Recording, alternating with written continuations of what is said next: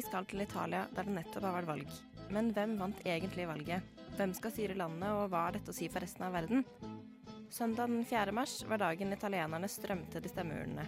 Men selv om stemmene er avgitt og talt opp, er det fortsatt usikkert hvem som skal sitte i regjering. Det er nemlig ingen av de politiske fløyene som har flertall alene. Partiet som fikk flest stemmer, var det populistiske partiet Femstjernersbevegelsen, som ble startet opp av komikeren Beppe Grillo. Dette er et parti som er skeptiske til EU, innvandring og mye annet.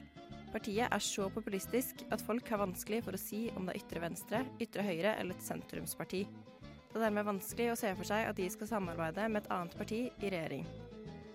Valgets andre store vinner ble partiet Lega.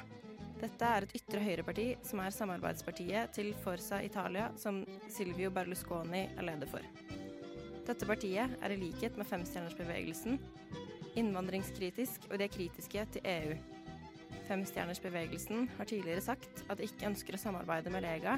For EU sin del er det kanskje ikke så dumt. Foreløpig ser det ut til at Lega er et parti som kan danne en sentrum-høyre-regjering, bestående av Berlusconi sitt parti Forza Italia, det nasjonalistiske partiet Italias Brødre, et mindre sentrumsorientert parti og så klart Lega. Siden Lega da vil være det største partiet i denne koalisjonen, vil mest sannsynlig de kreve at statsministeren kommer fra deres parti. Dersom ingen klarer å sette sammen en regjering, kan dagens statsminister bli bedt om å bli sittende, og det kan da bli nyvalg. Valget i Italia er så mye annet i landet kaos. Men én ting er sikkert, og det er at italienerne ønsker forandring. Hvordan forandringen blir, gjenstår å se.